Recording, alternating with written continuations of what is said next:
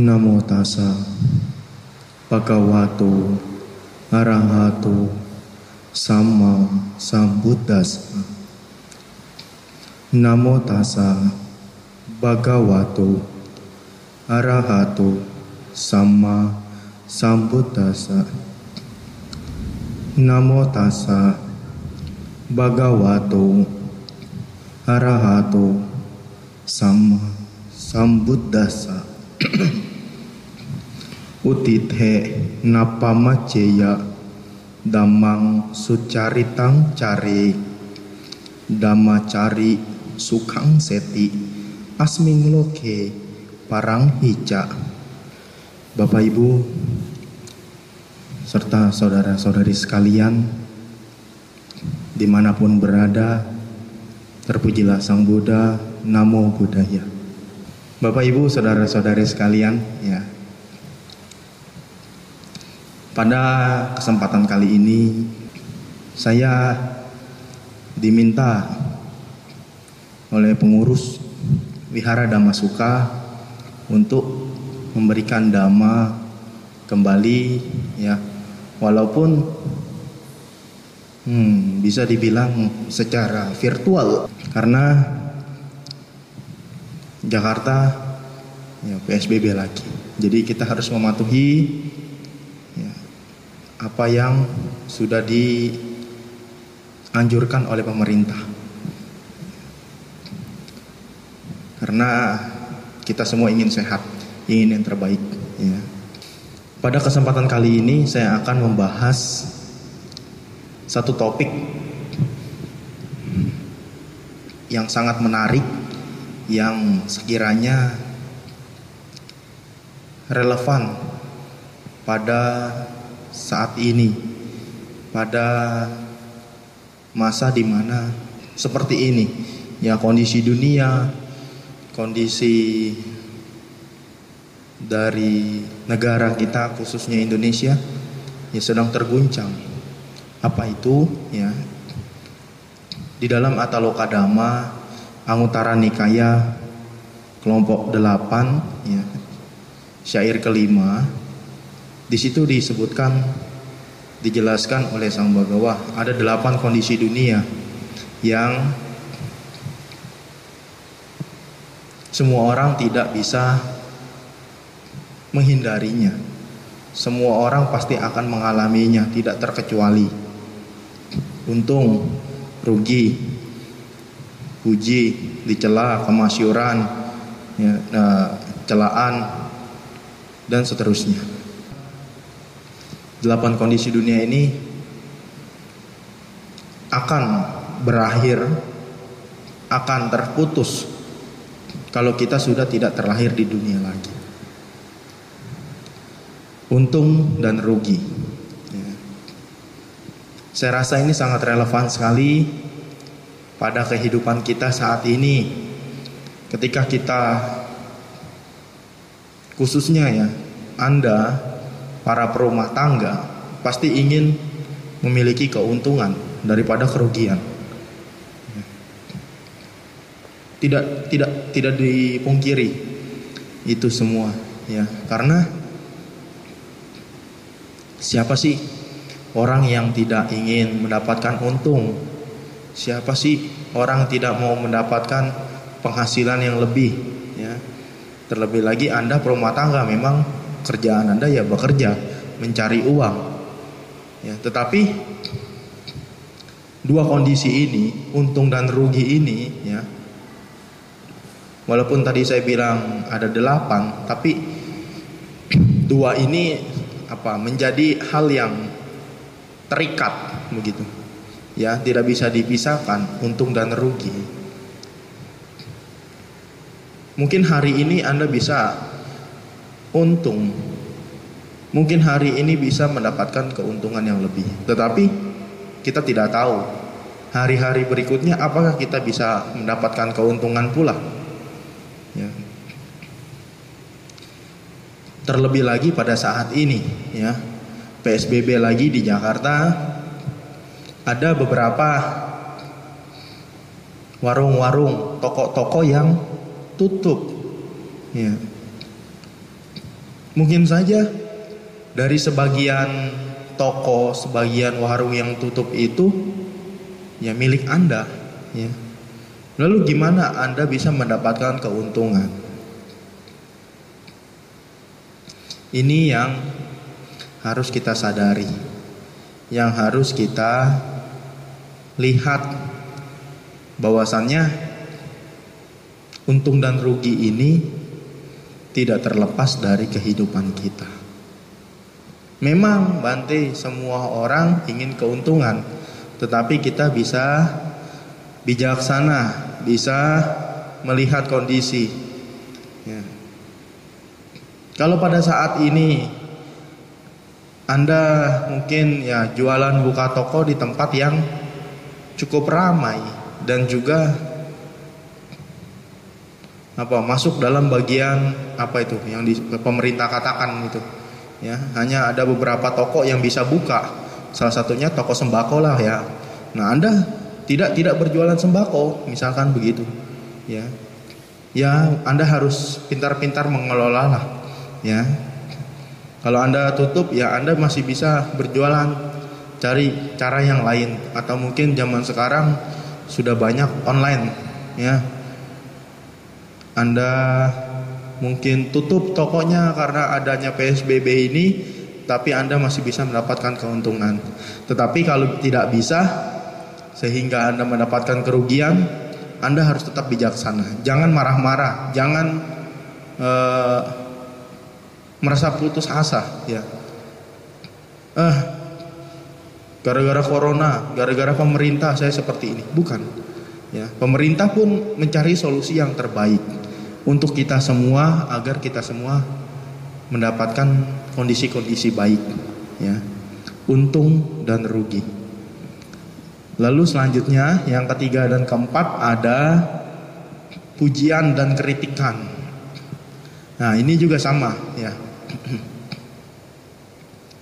Semua orang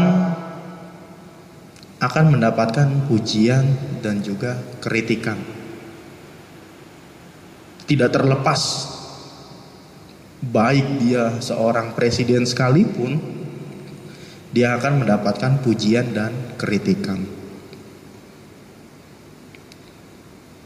Sama seperti halnya beliau-beliau nih yang ada di belakang kamera. Ya. Ketika hasil kamera, hasil videonya bagus, ya beliau-beliau nih yang ada di belakang kamera, yang bapak ibu tidak tahu siapa saja, ya pasti bapak ibu ketika di YouTube ya mendengar suaranya bagus, gambarnya bagus, pencahayaannya bagus. Langsung Bapak Ibu like, komen yang baik-baik. Ah, terima kasih Bante, videonya bagus dan juga admin dari YouTube Wihara Damasuka. Hmm. Dapat pujian. Tapi ketika satu kali lagi rekaman seperti ini, tiba-tiba suara mic-nya rusak. Akhirnya ceramah tidak pakai mic. Di-upload. Terus Anda komen, kok adminnya jelek? Suaranya tidak jelas, gambarnya hancur dan lain sebagainya. Ya. Anda sebagai netizen, ya. Anda berhak memberi pujian atau memberi celaan. Tapi Anda juga berhak menerima pujian itu dan juga celaan itu. Itulah yang terjadi dalam kehidupan kita. Ya. Saat ini ya, Anda sudah mulai memahami tentunya ya apa itu teknologi yang baik dan teknologi yang tidak baik. Tetapi terlebih daripada itu, pujian dan celaan ini juga bisa menjadi masukan dan juga semangat kita ketika kita menerima pujian dan kritikan ini dengan cara yang baik. Bukan berarti ketika Anda dipuji, Anda merasa senang dan akhirnya besar kepala. Tetapi Ketika Anda mendapatkan celaan, Anda tidak menerima itu sebagai celaan, Anda marah akan celaan itu, apa yang terjadi? Sakit hati, ketidaksukaan akan timbul di dalam diri Anda. Kalau Anda menerima pujian dan kritikan ini sebagai hal yang baik, sebagai hal yang membangun, Anda akan menerima ini sebagai evaluasi. Bagaimana cara saya agar tidak dikritik kembali?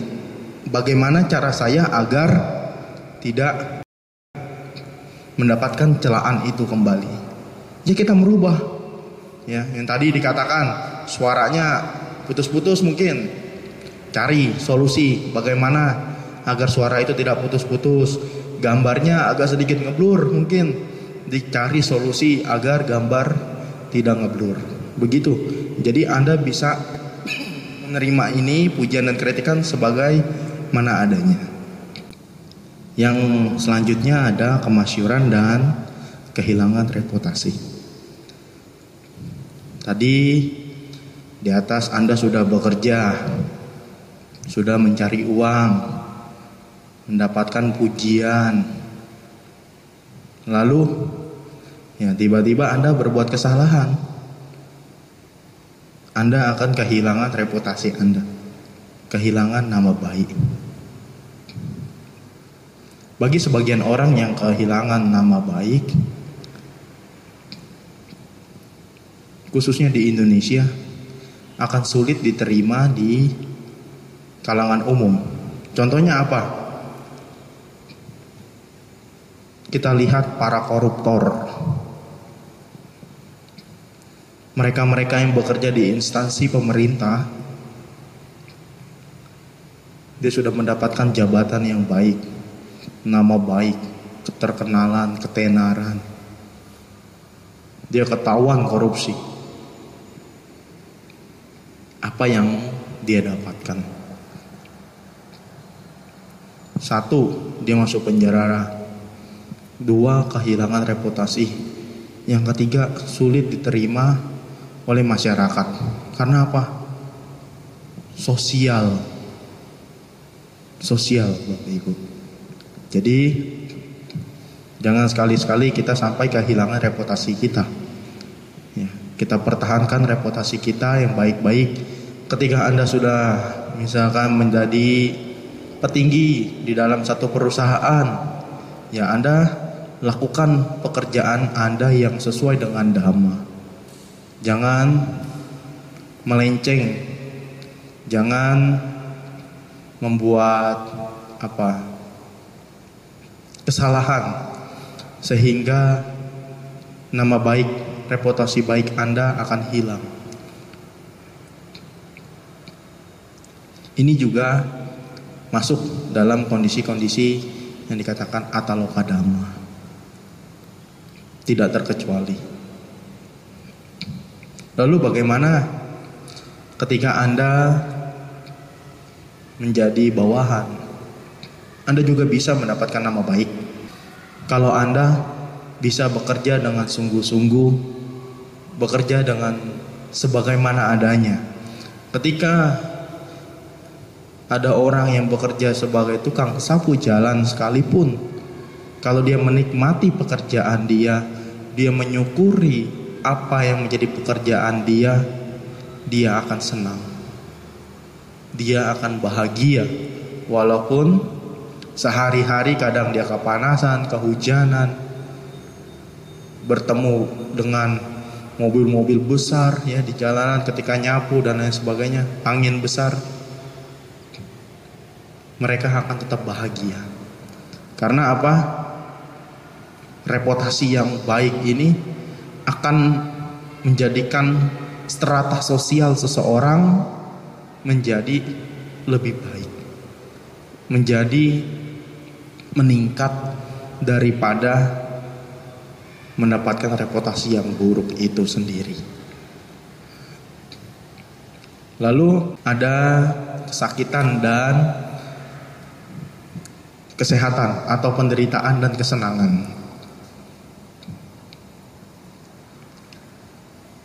Ini juga tidak terlepas dari kita. Ketika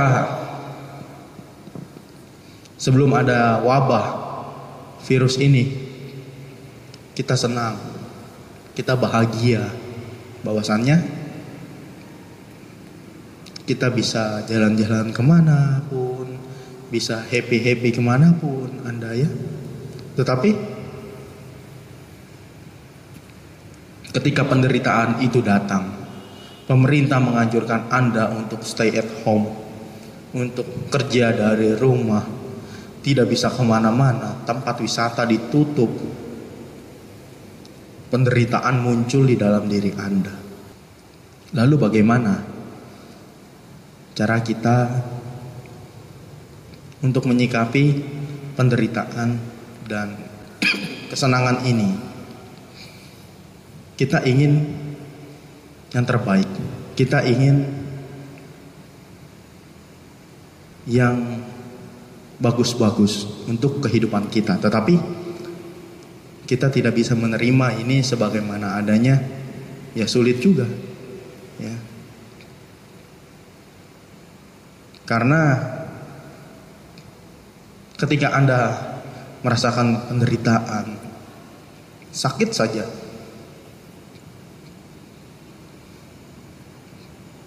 Anda tidak ingin sakit ini ada di diri Anda untuk kurun waktu yang lama. Tetapi ketika kesenangan datang, Anda berharap bahwasannya kesenangan ini kalau bisa bertahan hingga cukup waktu yang lama di dalam diri Anda sehingga tidak ada lagi kesengsaraan. Tetapi nyatanya Kedua hal ini tidak ada yang bisa memprediksi, tidak ada yang bisa mengatur. Semua terjadi karena kondisi-kondisi dunia.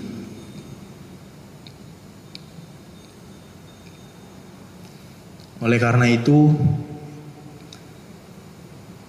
kedelapan kondisi dunia ini yang sejatinya tidak pernah bisa terlepas di dalam kehidupan ini bisa kita lewati, bisa kita jalankan dengan semaksimal mungkin dengan apa adanya. Ada perumpamaan kehidupan kita ini sebagai diibaratkan sebagai roller coaster emosional. Apa itu? Ya, anda tahu roller coaster itu apa? Ya, mainan yang kadang bisa di atas, langsung tiba-tiba terjun dengan kencang ada di bawah. Lalu kadang juga dia bisa berputar dengan kencang dan juga berputar dengan lambat. Itulah